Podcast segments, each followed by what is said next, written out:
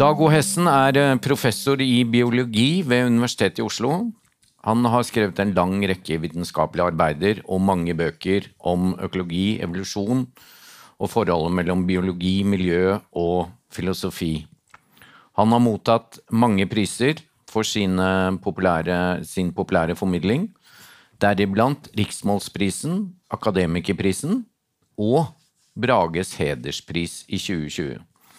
Nå er han aktuell med Jervesporet. Ta godt imot Dag O. Hessen.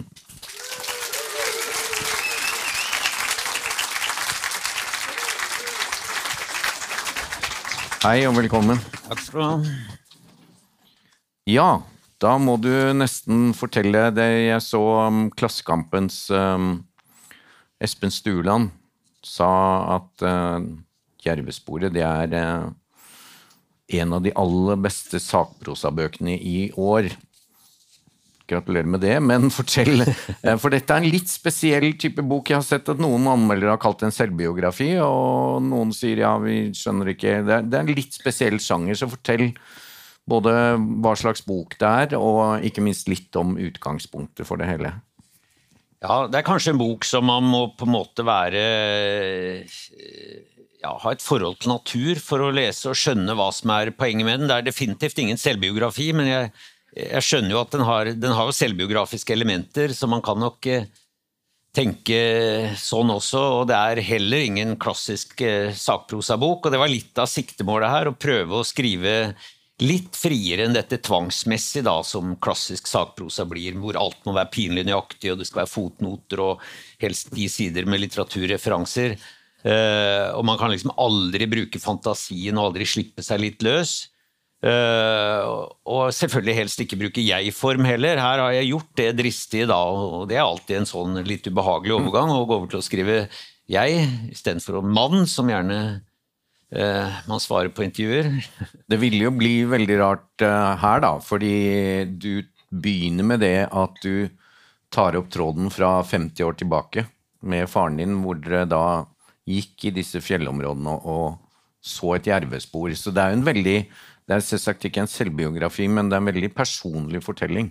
Det er det absolutt, og det er jo, omhandler jo mye mer enn jerven. altså Det er ikke en, bok, det er jo ikke en biologibok om jerven som art. og Selv om det er elementer av Ops, det også. Fordi... Advarsel, det er mer enn jerv her. Det, ja, men jerven er jo verdt en bok i seg selv, og det er jo eh, fascinasjonen for dette, et av de få gjenværende villdyrene som, eh, som ligger som en Hvis du kunne vente bitte litt med jerven ja. og fortelle om faren din og deg først, og så kommer vi tilbake til jerven.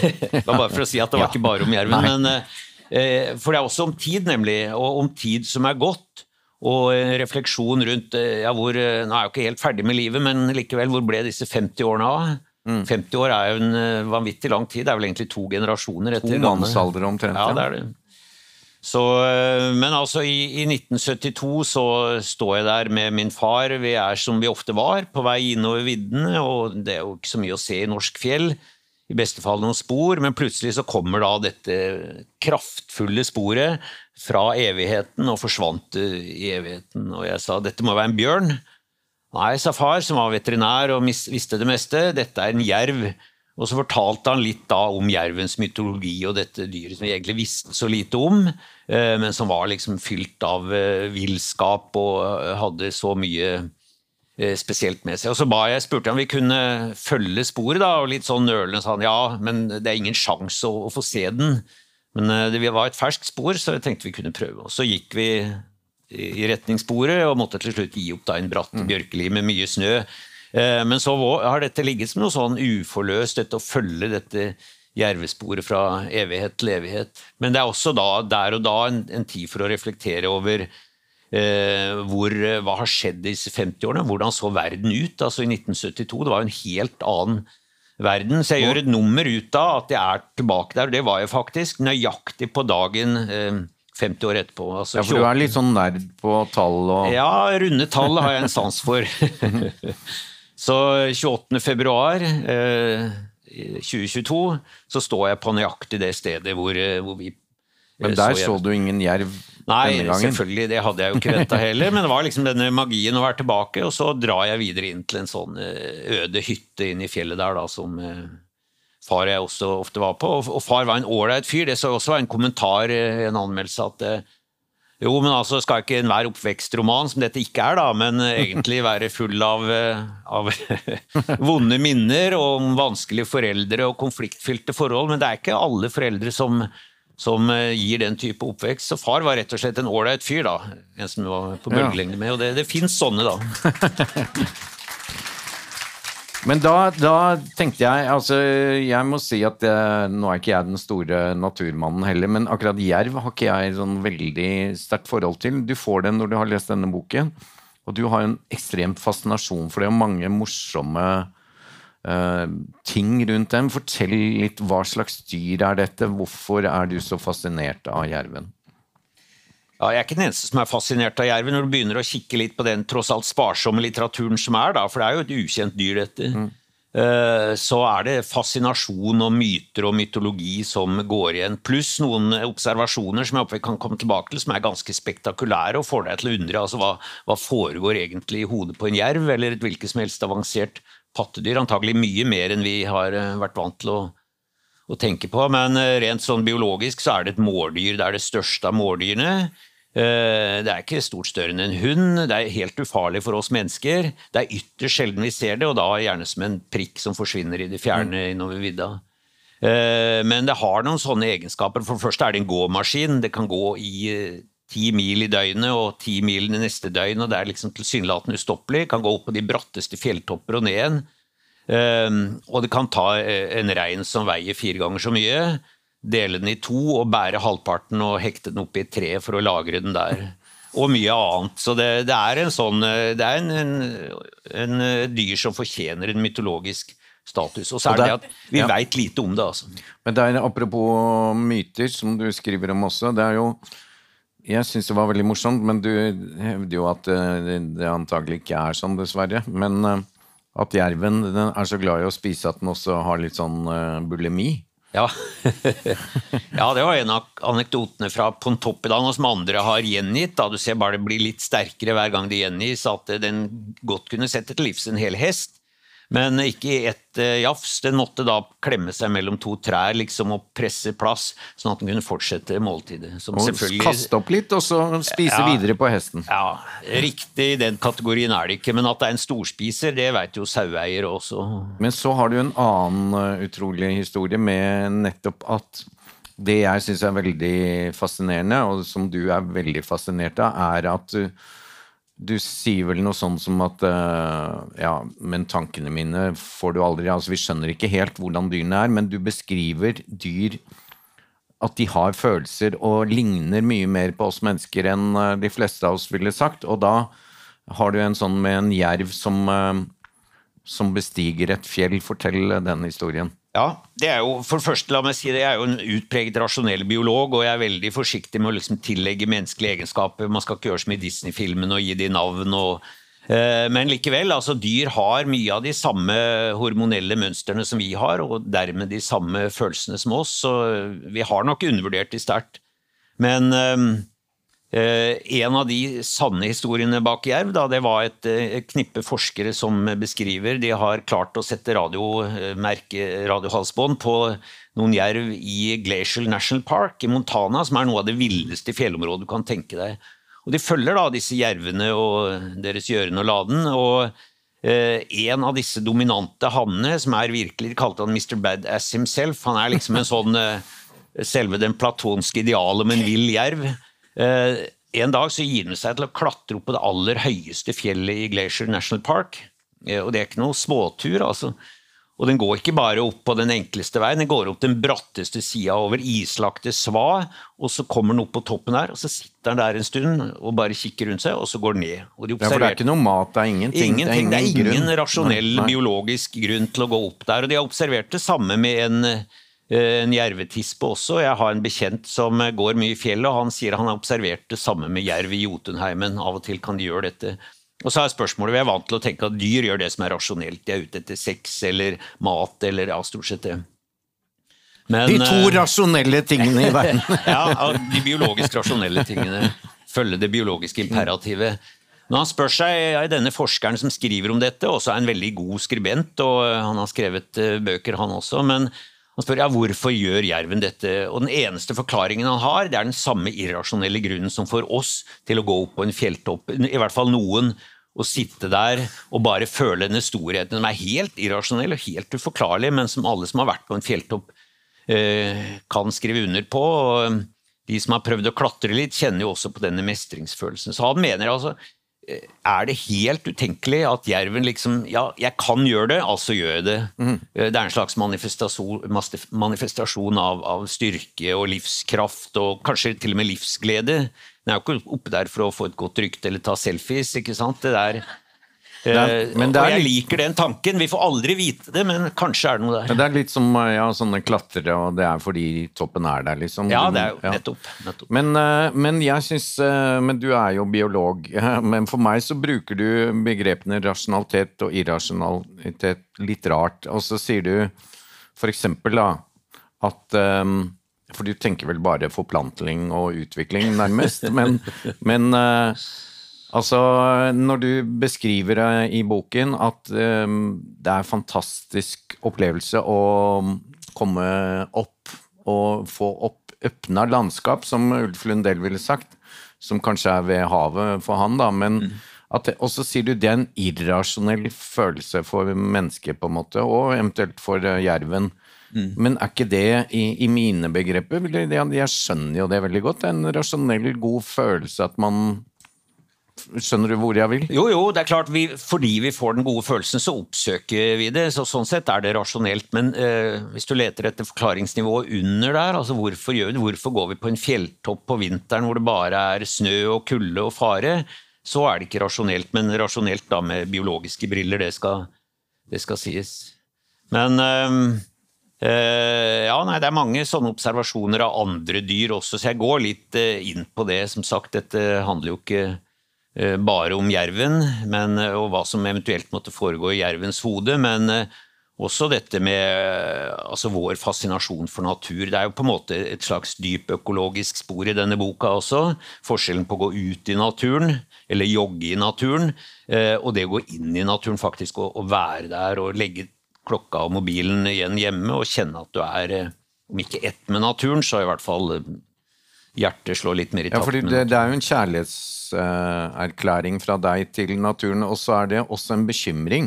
For det ja. er jo mindre og mindre av den ukontrollerte, eller hva vi skal kalle naturen.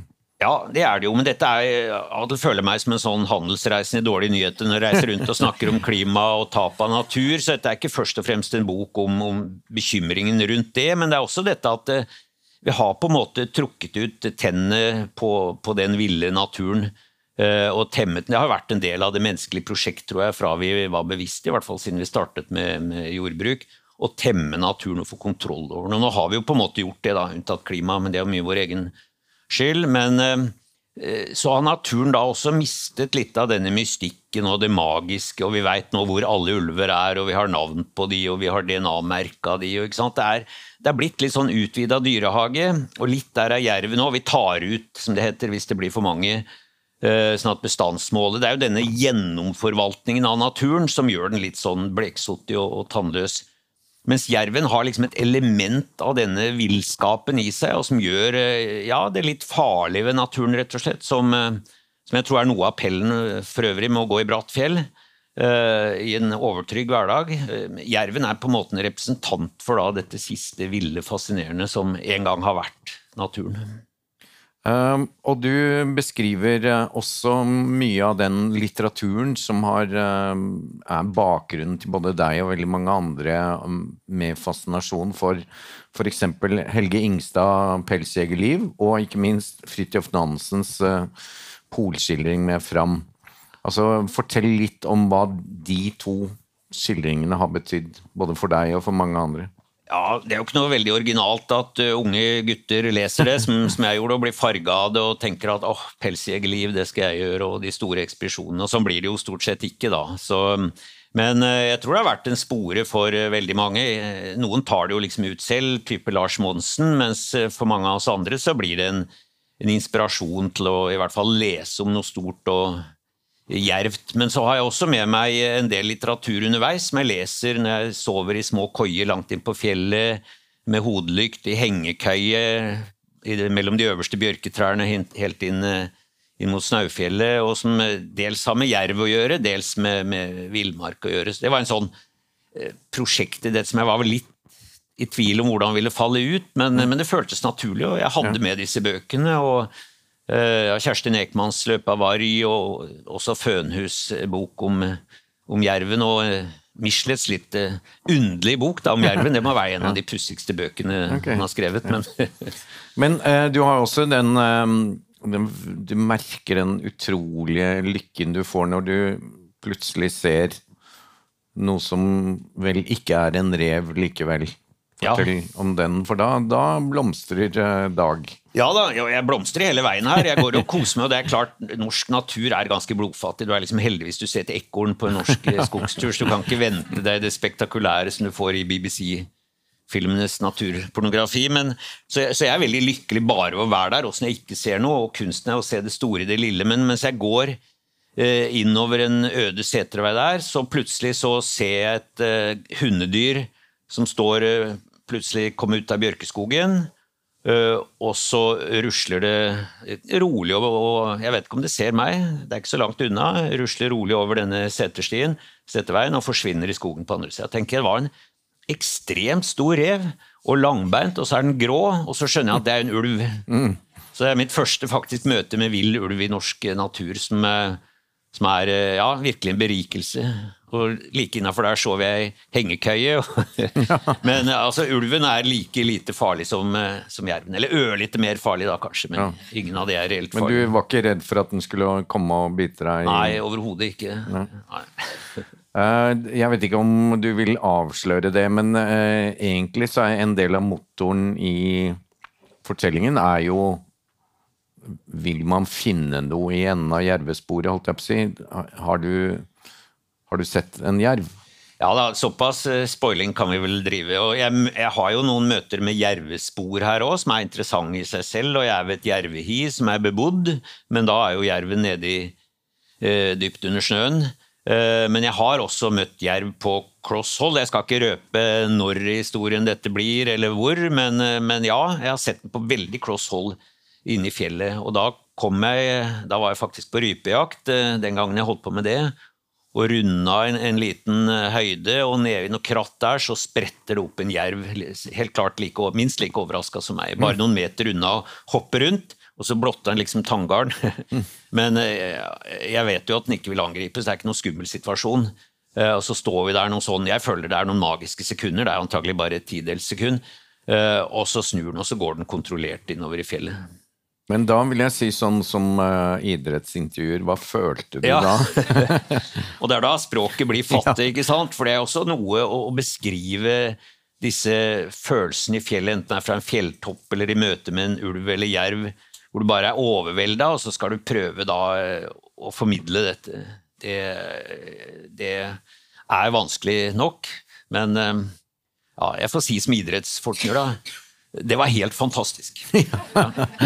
Ja, og, og, det er en eh, fantastisk bok. Eh, bare sånn, eh, hvis vi skal runde av litt sånn Jeg har tenkt på Det er ingen tvil om at du, du har mye å formidle av din glede og fascinasjon for naturen og for jerven spesielt.